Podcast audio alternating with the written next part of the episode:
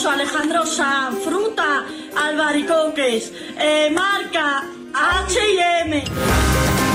Ese país, Santander. Santander.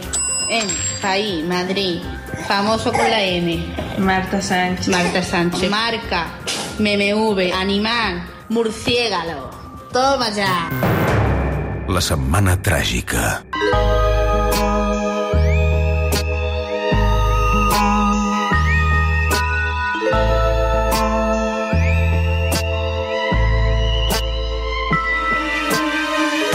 Som al suplement, som a Catalunya Ràdio, som a Valls i tenim connexió també amb Londres, on cada diumenge a aquesta hora fem la setmana tràgica amb el columnista al Wall Street Journal, Ion Sindreu. Bon dia, bona hora, Ion.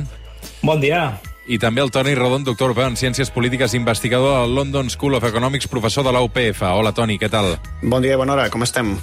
Doncs esperant que, que acabin d'arribar les colles castelleres, perquè a partir de les 12 aquí, dia de Santa Úrsula, ara sentíem algunes gralles ja amb les últimes matinades. Eh, no sé si s'enyoren els castells des de, des de Londres, Ion. Sí, sí, sí, cal dir que, que aquí hi ha penya castellera. Ah, hi ha colla també, eh? Sí, sí, sí. A veure, amb les nostres imitacions, però... Eh, Vull dir, algun pilar, ni que sigui, no? Exacte, exacte. No, no, i alguna cosa més, alguna cosa més, també. Eh? Avui, eh, després d'aquesta assemblea extraordinària de compromissaris del Barça que en parlàvem amb l'Arbussà eh, fa una estona a la tertúlia, comencem amb els Rolling Stones.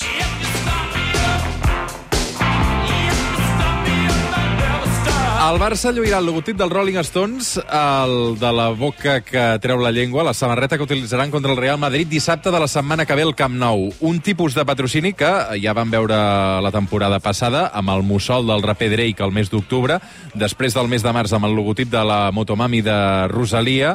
Eh, és un dels punts més vistosos d'aquest contracte que té el Barça amb Spotify. I atenció perquè demà, demà es posen a la venda samarretes eh, on hi haurà una edició exclusiva de només 22 unitats signades pels jugadors i les jugadores del primer equip del Barça. Encara no en sabem ben bé els preus, però les samarretes de Rosalia valien 400 euros cada una i l'edició més especial 2.000 euros. Uh, us gastaríeu 2.000 euros per una samarreta signada del Barça amb la llengua de Rolling Stone? No, jo, bueno, jo en, potser, en Joan que està forrat, potser sí, jo no, eh? No, no, això l'escapa, que és qui, qui en toca de calents. Jo no m'ho podria permetre, això. Uh, no sé si aquesta història de, del marxandatge del Rolling, de la Rosalia, uh, d'alguna manera, uh, um, no sé què representa pel Barça també uh, aquesta fórmula nova que, hem- que hem vist aquests últims temps. Bé, jo crec que és bastant brillant, no? Uh, perquè aquí al final el problema que sempre expliquem en aquesta secció de la publicitat és que uh, la fa tothom, no? l'acabes una mica fent com a empresa per, per no ser l'empresa que no està posicionada, uh, perquè tota la resta d'empreses estan posicionades, Um, i, I hi ha un moment que, com, a, com nosaltres, com a consumidors de publicitat, una mica enrellisca el tema, no? Hi, hi, ha, hi ha una mica els teus ulls passen una mica per sobre. Que sí que és veritat que potser no, Eh, no sabíem, eh, ni, bé, jo almenys no sabia qui era Rakuten, no? llavors quan veus Rakuten potser sí que eh, generes no? coneixement de qui és Rakuten a mercats nous, però marques que ja coneixes, jo crec que el cervell una mica se't desconnecta. Llavors jo crec que, que, que és bastant bona idea fer alguna cosa no? que, que, que sobti, no? I que la gent en parli i que canvi, que sigui diferent. Llavors jo crec que en aquest sentit la veritat és que segurament és una publicitat que, que, que els està funcionant uh, relativament bé. Dit això, uh, jo no sé si, si és el teu cas, però jo aquest nou àlbum dels Rolling Stones jo no l'he escoltat. No t'ha interessat, eh? Mira, per cert, he dit, que, he dit Camp Nou, eh, és Montjuïc, evidentment, eh? Que, Ah, sí, que sí. tenim per inèrcia dir Camp Nou, però, però és Montjuïc. El nou àlbum sona així, l'estem sentint amb el Dani Rodríguez de fons. Puja, puja. Per cert, per cert, per cert, uh, uh, no sé si us sabeu, es veu que Mick Jagger té la maledicció vinculada al futbol, i és que si Mick Jagger va al camp i dona suport a un equip, aquell equip perd sempre. Uh, és una maledicció que va començar Però a Mundial... veure, però a veure. és una maledicció que va començar al Mundial del 98, quan Jagger va anar al camp uh, on la selecció anglesa es va jugar la classificació pels quarts de final contra l'Argentina i, efectivament, va perdre. Doncs des d'aleshores, Però- però- però- cada vegada que Mick Jagger es posa la samarreta d'un club de futbol, uh, aquell equip palma. Per tant, contra el Madrid ho tenim pelut. Jo deixaré que, que, el, que el Rodon ha despotriqui d'aquí, però la correlació més espúria que dir que una persona va al camp de la selecció anglesa o de l'Arsenal i que perden i que és culpa d'aquesta persona, home, vols dir que no és culpa de la selecció anglesa? Totalment. No, i, I a més a més, no, jo crec que el va, el va trencar el malefici, no? No, no va donar suport a l'Arsenal fa uns anys i van guanyar la, la FA Cup. Ah, Per tant, correcte. eh, Sí, per Sí, tant, no? jo diria que ja estem passats, la qual cosa vol dir que 5, eh, 5 a 0, eh, contra el Madrid. Ja ho veig. Molt bé. Uh, optimisme és madridisme. Uh, Ah, sí. Hem començat amb aquest apunt breu sobre els Rolling Stones, però avui uh, el tema que volia preguntar al Toni Rodon uh, té nom de dona, és Clàudia Goldin, és la flamant guanyadora del Premi Nobel d'Economia, és aquesta americana Clàudia Goldin, que sona així. it- that's just a paper. So you have to realize that some people have said to me, gosh, you've been working on this for so long. A veure, Toni Rodon, què ha estudiat aquesta dona perquè li donguin el, el Nobel d'Economia? So particularly with Uh, aviam, que Clàudia Goldin, uh, més que dona, l'hauríem de definir com a professora de Harvard, eh? Uh, el, en el fons, el que, uh, aquest Nobel, i no sé si en Jon estarà d'acord amb mi, uh, a vegades, Jon, que es donen Nobels per vés a saber què, què, què, què estudien, en aquest cas Sí, sí, crec sí. que estem bastant d'acord que se'l mereixia, eh? Sí, perquè sovint hi ha uns novels que són d'una desconnexió amb la realitat que, que, que són força increïbles, no? És a dir, gent que ha fet grans models matemàtics i històries, que està molt bé, però, però no, no serveix de res. En canvi, aquí, uh, finalment, sí, no, finalment no, hi ha bons novels, eh, d'economia, també, uh, però uh, li ha donat a una persona que, que ha estudiat el, el, el rol de la dona al mercat laboral, que, per increïble que sembli, uh, no estava gaire investigat, eh, fins que ella va començar a posar-s'hi en els anys eh, 90, per tant, eh, 80, de fet, eh, la, a finals dels 80. Uh, per tant, uh, bé, uh, celebrem-ho. Totalment. Aquí hi ha una cosa que és important destacar, eh, que eh, sempre acostumo a recordar als meus estudiants, que hi ha vegades que, mm, perquè una cosa ens sembli òbvia avui en dia, no vol dir que fa un temps no, no, no, no fos eh, necessari estudiar-ho. Perquè allò obvi només és obvi en funció dels nostres biaixos ideològics i morals, en certa manera. Com a vegades bé dic, eh, el fet que la Terra eh, eh, no fos plana també era una cosa, també era una obvietat en el seu temps, i algú va haver d'anar allà i demostrar que no era el cas, no? I el mateix passa amb Clàudia Goldin, que s'ha passat tota la seva vida eh, estudiant eh, essencialment el per què les dones eh, cobren menys que, que els homes. Eh, recordem que actualment la, la bretxa salarial entre homes i dones a Catalunya se situa en el 23,4%, eh, segons les dades publicades per la Generalitat. És a dir, que una dona de mitjana cobra 23,4% menys que, que un home. I Clàudia Goldin ha explicat molts perquès de, de, del per què això és així. Jo la vaig conèixer gràcies a un dels seus estudis eh, potser més famosos, que és l'estudi de, les, de les orquestres. Clàudia Goldin, disculpeu, va mirar... Eh, va fer una investigació en, en la qual eh, essencialment el que va fer és mirar si les orquestres, aquestes orquestres sinfòniques, que a vegades doncs, anem a concerts, que als Estats Units doncs, eren, eh, i de fet encara són eh, essencialment dominades per homes eh, i de fet per gent blanca, de cop van decidir fer el que se'n diu doncs, eh, eh, allò, o fitxatges o, o contractar gent eh, en lloc de veure la persona quan tocava l'instrument i posaven una pantalla davant. Sí? És a dir, tapaven la persona i, per tant, només es valorava la persona en funció del, del, del, del que sentien, no? de l'instrument que tocaven.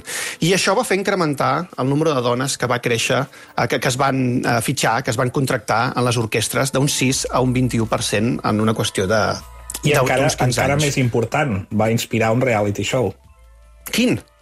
Sí, home, hi ha un, aquell reality show que, que, és, que es diu la, la, la veu o la The Voice, no? Ah, no és aquell sí. que, que la gent està d'esquena i, i els jutges estan d'esquena. No? No? Clar, Llavors, clar, una mica, una mica aquesta seria la idea, no? Fixeu-vos que avui en dia és lògic, no?, de dir, hem de uh, tapar l'estat físic o l'aparença física d'una persona per fitxar-la.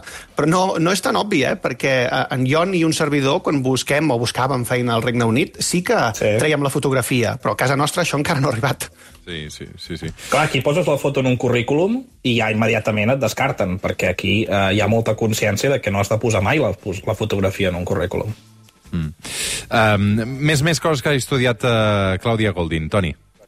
Sí, um, essencialment jo crec que la seva part més important, i a veure, Jon, si estàs d'acord amb mi, la seva contribució més essencial, és que Clàudia Goldin uh, ens diu que molt sovint perquè hi hagi una discriminació en el mercat laboral, sobretot petit, òbviament, per les dones, és en, tu no necessites uh, um, caps responsables uh, que siguin directament doncs, masclistes, sinó que sovint decisions individuals a la persona, si no es fa res des del sector públic, evidentment, el que acaba provocant és que uh, la dona doncs, acabi patint uh, molt més en termes doncs, de prestigi, de sou, etc.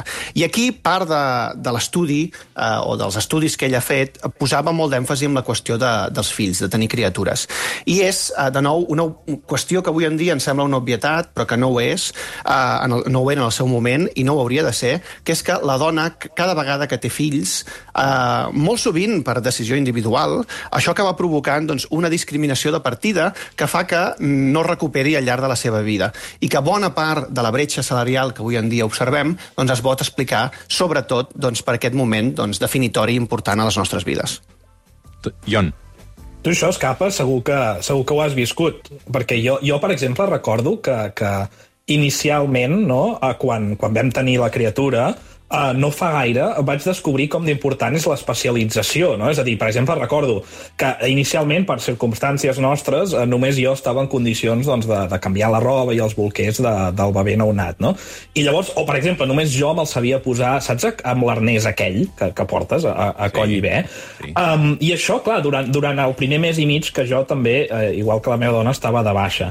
I només aquest avantatge ja va fer que quan jo vaig tornar a la feina, no, i la meva dona doncs, va haver de, de fer-ho sola, uh, li va costar moltíssim aprendre a fer ràpidament aquestes tasques. Um, I llavors després va passar al revés, eh? Després que jo vaig, ser, vaig agafar el permís de paternitat després d'uns quants mesos, em va tocar uh, doncs anar molt per darrere en, en saber prendre cura de, de la bèstia, no? Perquè, uh, doncs bé, uh, hi ha moltes coses que ja uh, no saps fer. Llavors, jo crec que, que això et demostra fins a quin punt, en el moment que hi ha un petit incentiu econòmic perquè uh, la dona doncs, es faci cura de, de, dels, dels nens, uh, que això, evidentment, existeix, perquè només el fet de que la dona s'ha de recuperar no, després de, de, del part o de la cesària i de tot, uh, ja fa que, que la, la via més natural sigui uh, doncs que reparteixi així la tasca. Hi ha un moment en què la distància es fa tan grossa que aquest repartiment equitatiu no, de les tasques de, de maternitat i paternitat ja es fa impossible. Per tant, això et demostra que no és només un tema cultural, que és que aquí cal molta feina no, de política, molta feina d'alinear incentius econòmics eh, per intentar doncs, eh, parar, no, aturar aquesta inèrcia de la, de la divisió del treball. Um, perquè si no, realment uh, costa molt. No? Per tant, la gent que parla d'això és que hem de canviar la cultura, és que hem de conscienciar... Jo sempre sóc una mica escèptic amb aquestes coses. Jo crec que al final hi ha un punt d'això però que és sobretot fer-ho racional, no? per la gent que, que reparteix aquestes tasques i sobretot també posar, eh, jo crec, l'home en una situació en què te n'has de fer càrrec sol, no? perquè quan estàs sol, llavors sí que, sí que no tens més remei que fer-ho. No? En el moment en què tu estàs allà ajudant, novament es, es reparteix aquesta inèrcia, perquè ja et dic, jo crec que és bastant racional. Bueno, i que el concepte ajudar eh, segurament ja està mal utilitzat, no? Vull dir que hauria de ser una cosa... No, no estàs sí. només allà per ajudar. Sí, compartir. No, clar, però és, això, el, és el que dic. Només un mes de no haver-ho no haver fet tu sol, perquè ens entenguem, ja sí. fa que, que, que estiguis en el rol d'ajudar, perquè realment és, és tan complicat no, posar-te al dia que si no et veus forçat a fer-ho, doncs, doncs no ho fas. Llavors jo, jo entenc per què això es produeix, però clar, aquí cal, cal un disseny institucional, no? perquè això no, no sigui així. Avui a la Setmana Tràgica, amb el Ion Sindreu i el Toni Rodon, la figura també de Clàudia Goldin, guardonada amb el Nobel d'Economia fa tot just una setmana, un nom que hem volgut eh, recuperar també avui en, en aquest suplement. Uh, gràcies a tots dos, companys, ho deixo aquí perquè és que tinc els grellers a punt i tinc un munt de home, continguts també des home, de... tu no puges, no? Escapa, no et deixen pujar. En principi no, però escolta, que que uh, mai tu. se sap, mai se sap. Vull dir que hi serem fins a quarts de cinc de la tarda, aleshores pot passar de tot avui aquí. Aquí a la penya de, de Londres pujaries, eh? perquè jo crec que el problema precisament que hi ha és que no hi ha prous nens. Llavors, doncs, pensa allà uns ganàpies eh, que déu-n'hi-do fent d'enxaneta. Escolta, una abraçada, cuideu-vos molt. Una abraçada cap a Londres. Jo en Sindreu, Toni Rodon, cuideu-vos. Gràcies. Que vagi bé. Vagi bé.